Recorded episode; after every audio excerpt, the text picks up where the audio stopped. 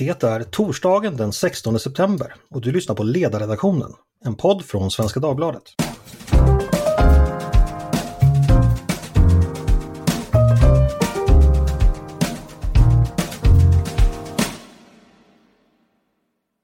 Varmt välkomna ska ni vara. Mitt namn är Andreas Eriksson.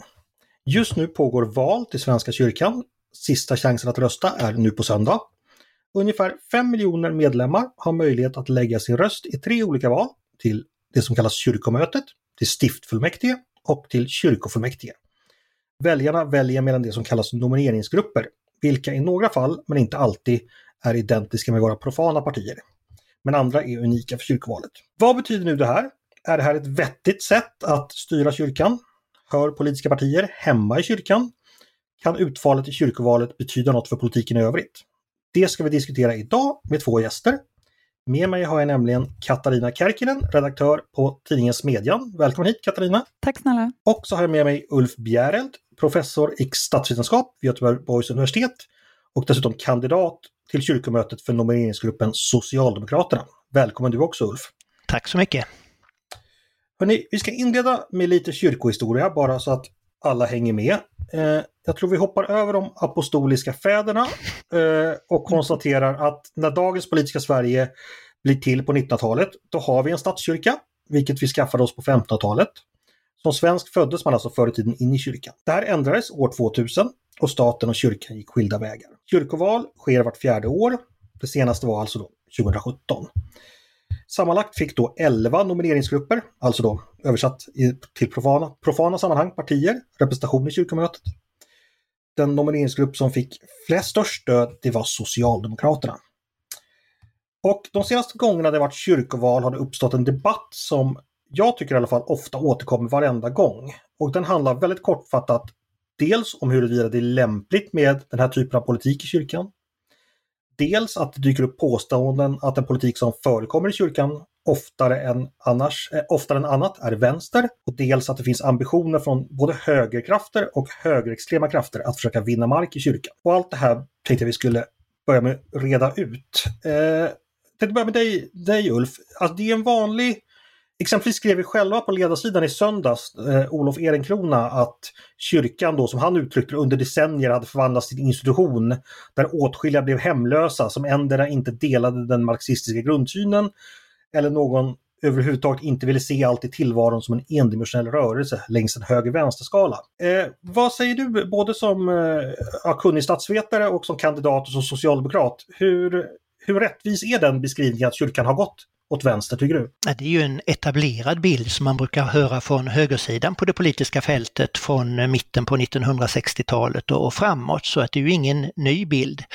Eh, det är klart att det som har hänt med kyrkan sedan eh, 60-talet och framåt, det är ju att kyrkan är ju en del av samhället och på samma sätt som samhället har kanske inte gått åt vänster skulle jag säga, men liberaliserats, så har också kyrkan liberaliserats.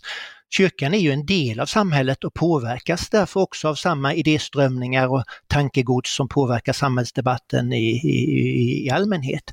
Och kyrkan, den var ju det gamla samhällets auktoritet, var en del av överhögheten. Det var ju många av de auktoriteterna som revs ner från 60-talet och framåt och kyrkan var en av dem.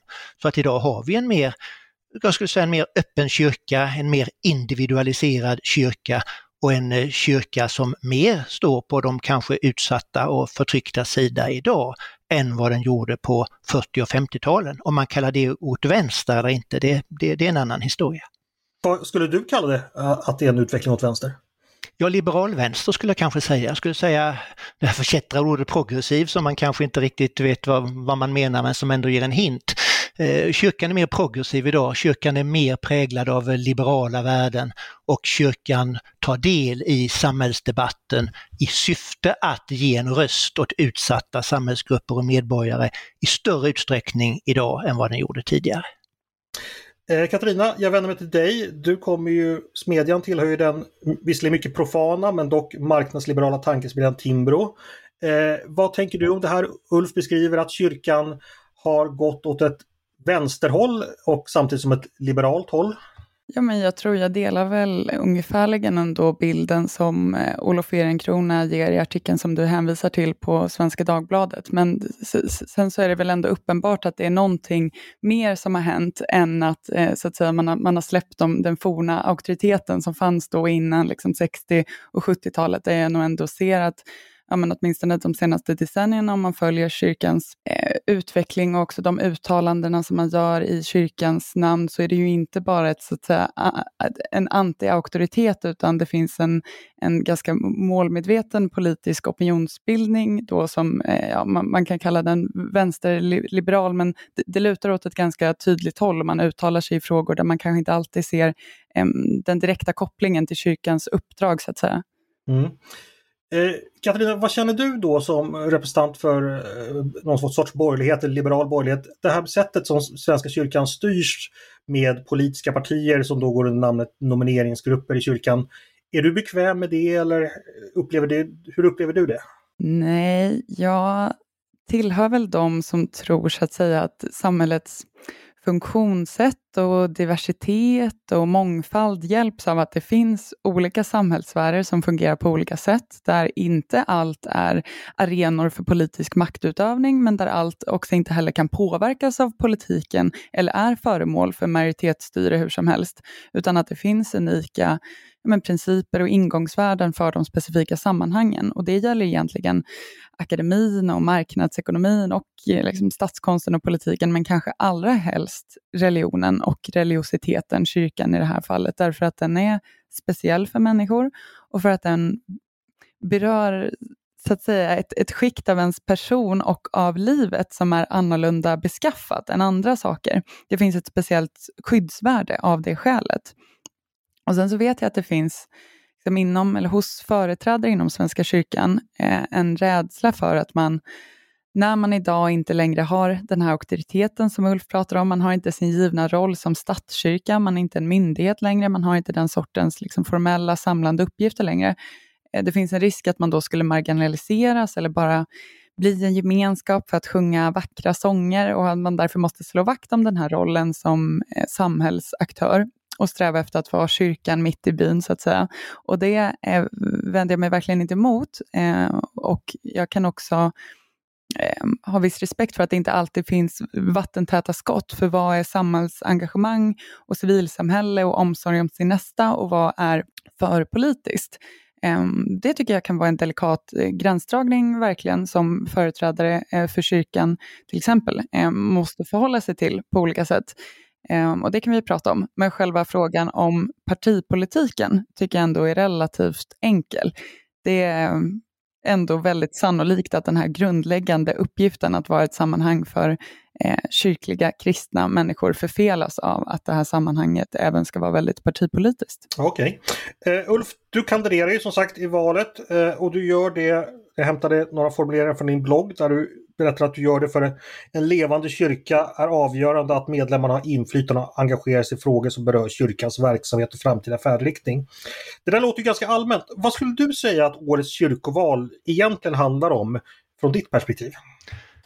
Jag skulle, en fråga som nog är, är viktigast och som hänger samman med det du här lyfter fram, det är man ska komma ihåg att Svenska kyrkan är ju en unik organisation i det att den är så stor. Den har 5,7 miljoner medlemmar, drygt, 5,7 miljoner medlemmar drygt. Det finns ju ingen annan rörelse eller organisation i Sverige som kommer i närheten av sådana medlemstal hur ska man då hålla liv i denna organisation? Hur ska man få, få den att verkligen vara vital och inte bli, bli marginaliserad? För där kan ju Katarina och jag vara, dela en oro. Hur ska vi göra för att inte kyrkan ska marginaliseras? Och då menar jag att ett sätt att få kyrkan att vara relevant i samhället, det är att den också är relevant för sina medlemmar. Och därför så måste de här medlemmarna, tycker jag, inspireras och engageras och ta del av kyrkans arbete i så stor utsträckning som möjligt. Och där tycker jag då att de här olika nomineringsgrupperna som i varierande grad har eh, partianknytning, de bidrar till det i två avseenden. Först är att de mobiliserar sina sina fränder så att säga. Det kom borgerligt, eh, borgerligt alternativ, eh, mobilisera folk som kanske röstar på Moderaterna, kristdemokrater i kyrkan mobiliserar kristdemokrater, Socialdemokraterna mobiliserar socialdemokrater och så vidare. Och inte bara att de går och röstar utan också att de reflekterar. Vad, vad, vad är kyrkan för mig? Varför tycker jag att jag ska gå och rösta? Vad, vad skulle jag vilja att kyrkan eh, utvecklades? Jag har pratat med många människor i den här valrörelsen som funderar över kyrkans roll i deras liv på ett sätt som de inte hade gjort om inte den här kyrkovalsrörelsen hade varit. Och det andra, det är ju att partigrupperingarnas närvaro skapar tydlighet. Eh, vilka alternativ finns det? Kyrkan är ju en del av samhället, inte någonting som står utanför samhället. Och det innebär att samma skiljelinjer, samma konfliktlinjer som vi hittar i samhället, de hittar vi också inom kyrkan.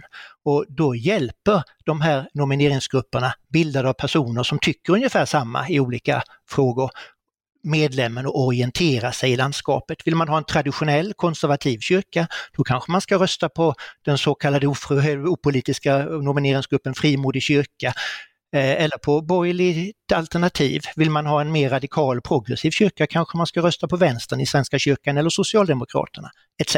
Så tydlighet och mobilisering, det är de två funktioner jag tycker att de här nomineringsgrupperna fyller i kyrkovalrörelsen.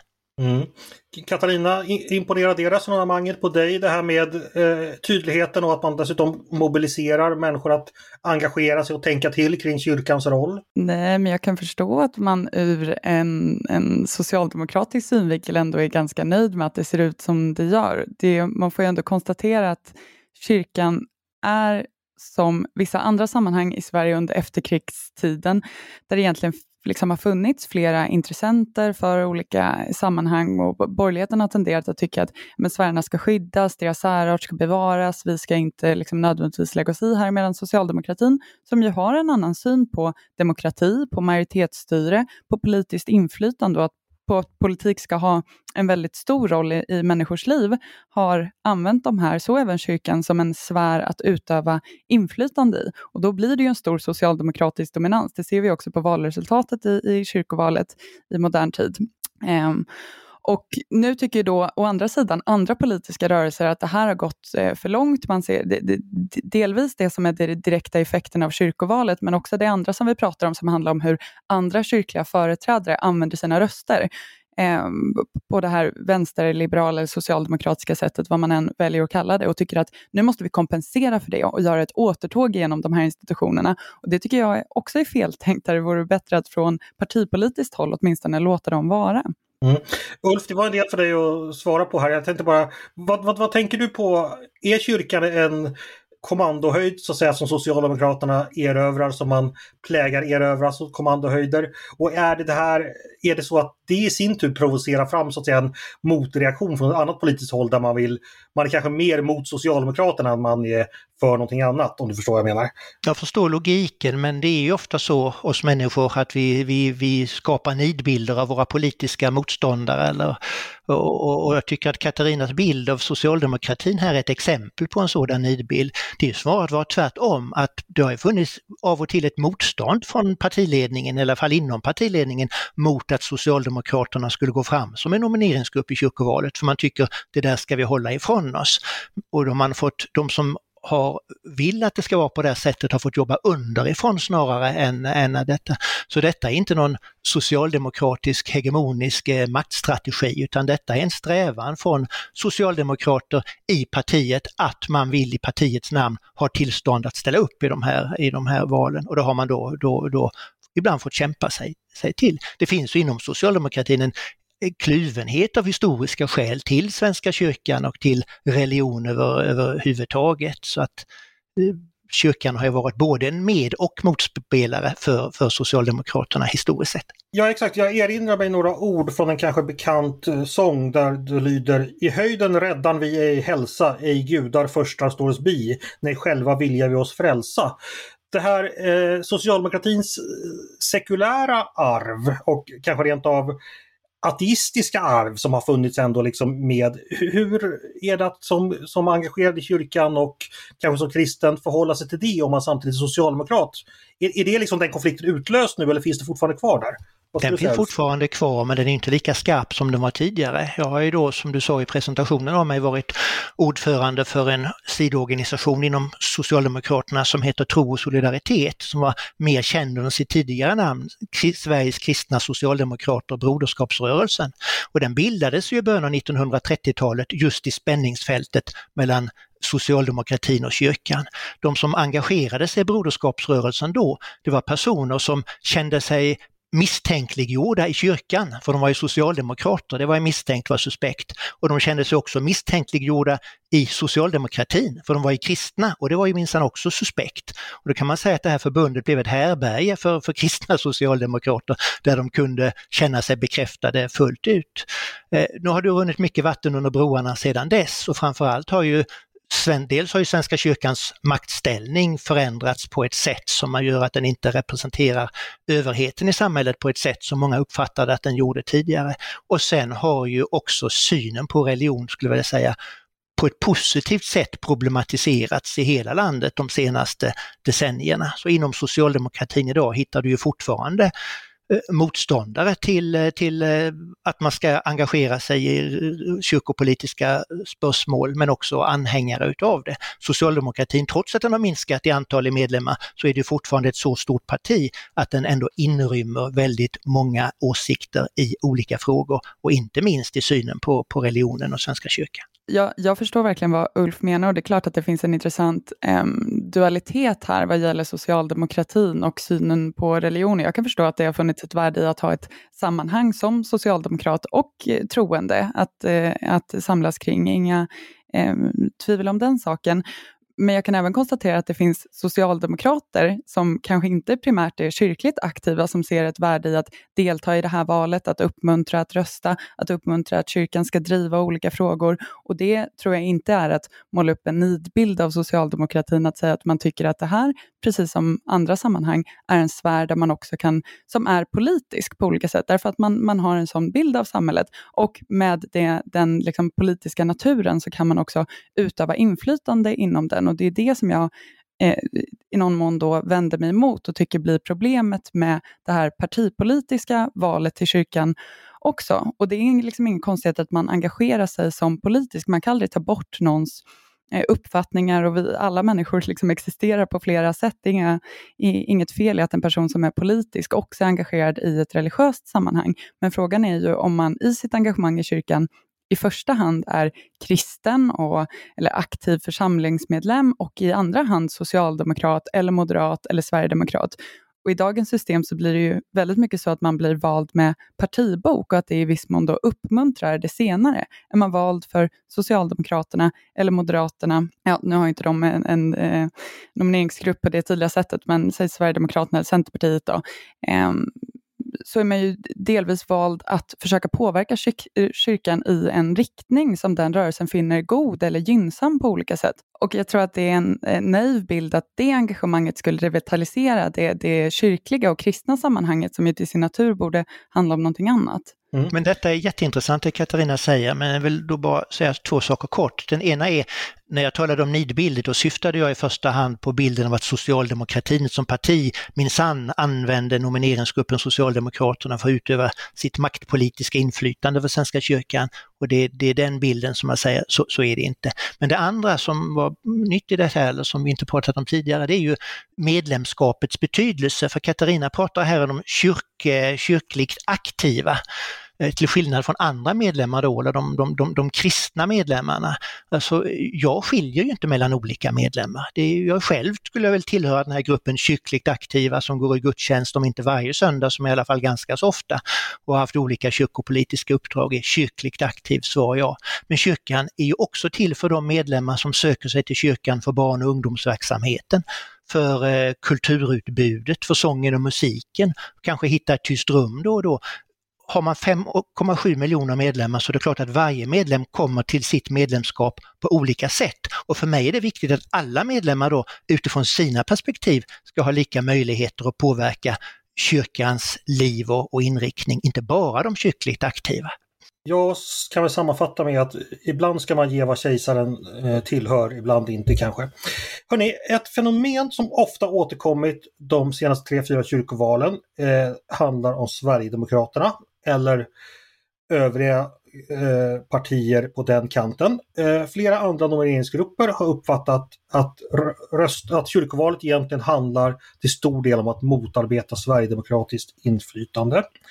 Då tänker jag så här att Sverigedemokraterna går ju ofta ganska dåligt i kyrkovalet givet vad, hur det ser ut i övrigt i opinionen. Alltså man gör ofta ett mycket sämre val där i, när det gäller andel än vad man ligger i övrig opinion. Är det så att den här diskussionen om det ständigt hotande SD-inflytandet eller högerextrema inflytandet, är det ett sätt för andra nomineringsgrupper att mobilisera väljare eller att vid, få sina egna väljare att... Eh, jag har nämligen misstanke om det, men jag tänkte höra vad ni har att säga om det. Om vi börjar med dig Katarina, vad tror du? Ja, men givet den eh, prognosen över det inflytande som Sverigedemokraterna har och skulle kunna få över kyrkan som du ger nu, som jag delar, eh, så måste jag nog ändå säga att jag också eh, delar bilden av att det här kanske framförallt handlar om att mobilisera de, de egna leden, än att man på riktigt skulle, skulle vara rädd för eh, vad som kommer att hända efter nästa val. Vad tänker du Ulf? Menar du, jag misstänker att du inte håller med mig kanske? Ja, delvis, för det är klart att när nu systemet ändå är som det är och jag försvarar det här systemet så betyder inte det att allting är gullegull och, och, och perfekt. Utan det är klart att är man med, väl med så tänker man strategiskt för att, för att maximera sitt röstetal i en valkampanj, annars vore man inte en nomineringsgrupp. Och det gör alla nomineringsgrupper, inte bara de som är politiskt orienterade utan även de, de övriga. Och då är det på två sätt här som man kan göra detta. Det ena som jag tror du var inne på mest i början, det är hur man som ett nytt parti parti som ännu inte har etablerat sig på den nationella arenan. Då kan man genom att det är lättare att komma in, kanske i alla fall i de lokala eh, organen, Eh, Eh, mobilisera i, i kyrkovalet och det gjorde Sverigedemokraterna. Och även om Sverigedemokraterna får färre röster i kyrkovalet än vad de får nationellt, i alla fall har det varit så hittills, så har ändå deras kyrkovalsdeltagande varit framgångsrikt för dem. Att de i kampanjen då har fått uppmärksamhet och kunnat skaffa sig en plattform som de sen kan agera vidare ifrån. Och vi ser ju årets kyrkoval hur Sverigedemokraternas systerparti, eller det kanske man inte ska säga AFS, Alternativ för Sverige, som är en utbrytning av Sverigedemokraterna, men än mer extremt försöker upprepa det här sverigedemokratiska eh, sättet genom att nu kandidera, försöka bli, bli vald. Så att så kan det vara, det är det ena sättet. Det andra sättet det är att man är då på samma sätt som man gör i samhället i övrigt. Så för att profilera sig så profilerar man sig i förhållande till någon annan. Socialdemokraterna, det är ju ingen hemlighet, profilerar sig i valrörelsen mot stoppa det konservativa eh, Sverigedemokraternas inflytande över kyrkan. Och Sverigedemokraterna profilerar sig med fiendebild Socialdemokraterna, stoppa Socialdemokraternas försök att vänstervrida kyrkan. Och även de opolitiska, eh, så kallade opolitiska nomineringsgrupperna profilerar sig då mot de politiska partierna. Så att så fort du har olika nomineringsgrupper så profilerar de sig mot varandra för att visa vilka de själva är, både för de själva står för men också vad de inte står för. Så att det, visst finns det en strategiskt, eh, strategiska mekanismer även i, i en kyrkovalrörelse. Men det är ju lite det här så att säga som blir effekten när man låter kyrkovalrörelsen vara så pass partipolitisk. Det som sker nu handlar ju i relativt liten utsträckning egentligen om, om kyrkan och kyrkans sammanhang och angelägenheter. Den här liksom revitaliseringen av den kyrkliga gemenskapen som du pratade om skulle ske av det här. Alltså här det här är ju snarare en fråga om att måla upp en bild av samhällsutvecklingen i stort och sen svara på hur kyrkan ska göra för att svara på den eller hur man ska använda de här mandaten genom kyrkan för att svara på det. Det finns ju inte så mycket av de valkampanjer som bedrivs från eh, partierna Eh, inför kyrkovalet nu som handlar om men, uppgiften att bedriva gudstjänst eller undervisning eller diakoni och mission. Det är ju andra frågor som, som hamnar på agendan så att säga. Mm, men frågan är vad kyrkopolitiken ska handla om. Jag menar de flesta nomineringsgrupperna, jag skulle tro alla, ställer ändå upp bakom Svenska kyrkans bekännelse och lära så att säga. Och de teologiska spörsmålen, hur mycket ska de då prägla en valrörelse som handlar om hur, flykt, hur kyrkan ska styras? Det är ingen, det är ingen riktigt enkel fråga, fråga det. Nej. Men hörni, är det inte så här, när jag, när jag växte upp så var min far inte medlem i kyrkan, men han brukade lära mig som barn att går du ur kyrkan så kommer du spara en flaska whisky eh, motsvarande varje år. Nu, numera är det väl snarast ett tiotal flaskor whisky tror jag med tanke på hur löneutvecklingen sett ut. Men alltså vi har 5,7 miljoner medlemmar, eller 5,5 kanske det är nu, som Ulf beskriver. Men många av dem är ju medlemmar av slentrian för att de föddes in och de har ännu inte gått ur, men folk går ur i ganska snabb takt. Eh, på de senaste tio åren så har andelen svenskar som varit medlem fallit från 70 till 55. Är det inte lite så att kyrkan börjar anta sina proportioner som kanske är rimligt utifrån hur många som är intresserade av kyrkan. Att det kanske kommer landa någonstans om tio år på att en minoritet är intresserad och att den här revitaliseringen ni pratar om och engagemanget så här, det går emot en megatrend där liksom helt folk Ja, förstår ni vad jag menar? Är jag rätt ute eller vad tänker du om det resonemanget? Ulf? Du, du är rätt ute i det att Svenska kyrkans medlemstal sjunker. Det är fler kyrkomedlemmar som antingen lämnar kyrkan eller avlider än som kommer in genom att de döps som, som barn. Ja, det, är... det är kanske inte så mycket att göra åt det här för liksom, så kommer det bli för folk har inte den religiositeten idag. Svenska kyrkan har ett viktigt uppdrag att, att sprida, sprida budskapet och sprida kristen tro och om man så vill missionera och, och där finns det från kyrkans håll en förhoppning att den här trenden ska kunna vändas genom att människor börjar komma till tro och börjar döpa sina barn i, i större utsträckning igen och att man på det sättet kan, kan vitaliseras. Det kanske inte är en, en, en fråga för kyrkovalet exakt hur man ska gör, göra i det, för det är ju en europeisk trend som i alla fall en nord nordvästeuropeisk trend som, som, som har lett till detta. Och det har vi också de gamla banden att Svenska kyrkan ju har varit en, en statskyrka där de banden också löses upp. Men eh, men eh, den stora frågan tycker jag är, där har ju Katarina och jag olika uppfattningar, men det är den som vi borde diskutera i större utsträckning, i, ännu mer inom kyrkan. Hur ska vi gå tillväga för att vitalisera kyrkan igen? Hur ska vi göra för att kyrkans medlemmar som kanske ändå väljer att inte gå ut, de, de är ändå kvar av någon anledning. Hur ska vi få dem att reflektera över sitt medlemskap och kanske börja aktivera sig än mer i kyrkoaktiviteter än vad de nu gör? Ja men Katarina, vad tänker du? Eh, ska kyrkan börja bli tydligare med att sprida evangelium eller vad är, vad är det som är framtidens kyrka om det handlar just om att engagera folk i högre utsträckning? Ja, jag har nog inte eh, alla eller eh, ens kanske meningsfull början på, på det svaret. Jag tror att mycket av arbetet måste ske lokalt i församlingen och att eh, förutsättningarna kanske ser, ser olika ut. Jag tror att det som du säger att eh, medlemsutvecklingen delvis är en eh, naturlig trend eh, som finns med sekularisering och ytterst då separationen mellan stat och, och kyrka nu för 20 år sedan. Ehm, sen blir frågan så att säga hur man svarar på det, för även fast man tycker att det är en, naturligt så är det ju ingenting som är positivt för, för kyrkan så att säga, även fast jag tror att det är som det är att vi kommer hitta ett nytt liksom, jämviktsläge där man kanske får leva med att inte en majoritet av Sveriges befolkning är medlemmar i kyrkan. Ehm, och frågan är ju då, ska man göra det här till ett eh, annat intressant sammanhang som engagerar människor därför att eh, man sysslar med frågor som engagerar människor i ehm, andra sammanhang än det kyrkliga. Ska man vara mer politiska till exempel för att det är ju någonting som engagerar? Eller ska man snarare slå vakt om sin särart och fundera på vad det kyrkan kan göra som bara kyrkan kan göra? Och här tycker jag att det också finns intressanta mönster vad gäller medlemsutvecklingen där det ju är som ni säger, för några år sedan så eh, var den senaste som jag hittade som där Svenska kyrkan själva hade utrett anledningarna till att människor valde att aktivt gå ur kyrkan. Och där var det ju en majoritet eh, som sa att eh, det handlar om att jag saknar gudstro och, och, och därför inte vill vara med. En del hade ekonomiska motiv, men de senaste åren så finns det också en grupp som ökar som anger skälet att medlemskapet inte känns meningsfullt. Det vill säga man hänvisar inte till att man själv nödvändigtvis saknar en tro, men medlemskapet i Svenska kyrkan känns inte som att det ger mig en mening.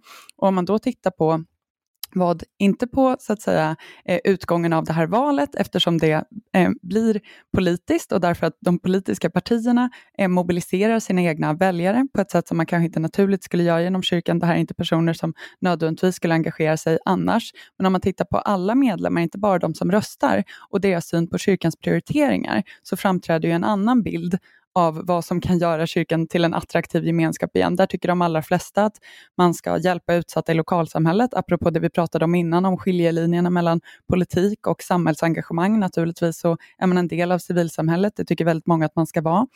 Efter det kommer själavård, efter det kommer att sprida det kristna budskapet, internationellt bistånd, tolkning av religionen bara 10 procent ungefär av kyrkans medlemmar tyckte att det som var värt att prioritera var att ta ställning i politiska frågor. Som exempel på det angavs miljö och klimat, rättvisemärkning, jämställdhet, välfärdsfrågor. Så jag tror egentligen om man tittar på hela medlemskåren så finns det ett relativt svalt intresse för den typen av politisering som sker av kyrkan nu. Och ska man då svara upp på den här medlemsutvecklingen så tror jag snarare att det handlar om att man ska slå vakt om det kyrkan kan vara i egenskap av att hon är just kyrka, det sammanhang som inget annat sammanhang kan vara. Det som inget annat sammanhang kan ge människor. Mm. Ulf, vad tänker du om detta? Jag tar fasta på det Katarina sa om kyrkans särart. För vad är det kyrkans särart? Ja, det har vi naturligtvis eh, bekännelsen och läran den kristna tron naturligtvis, men kyrkans roll i samhället, vilken, vilken är särarten där?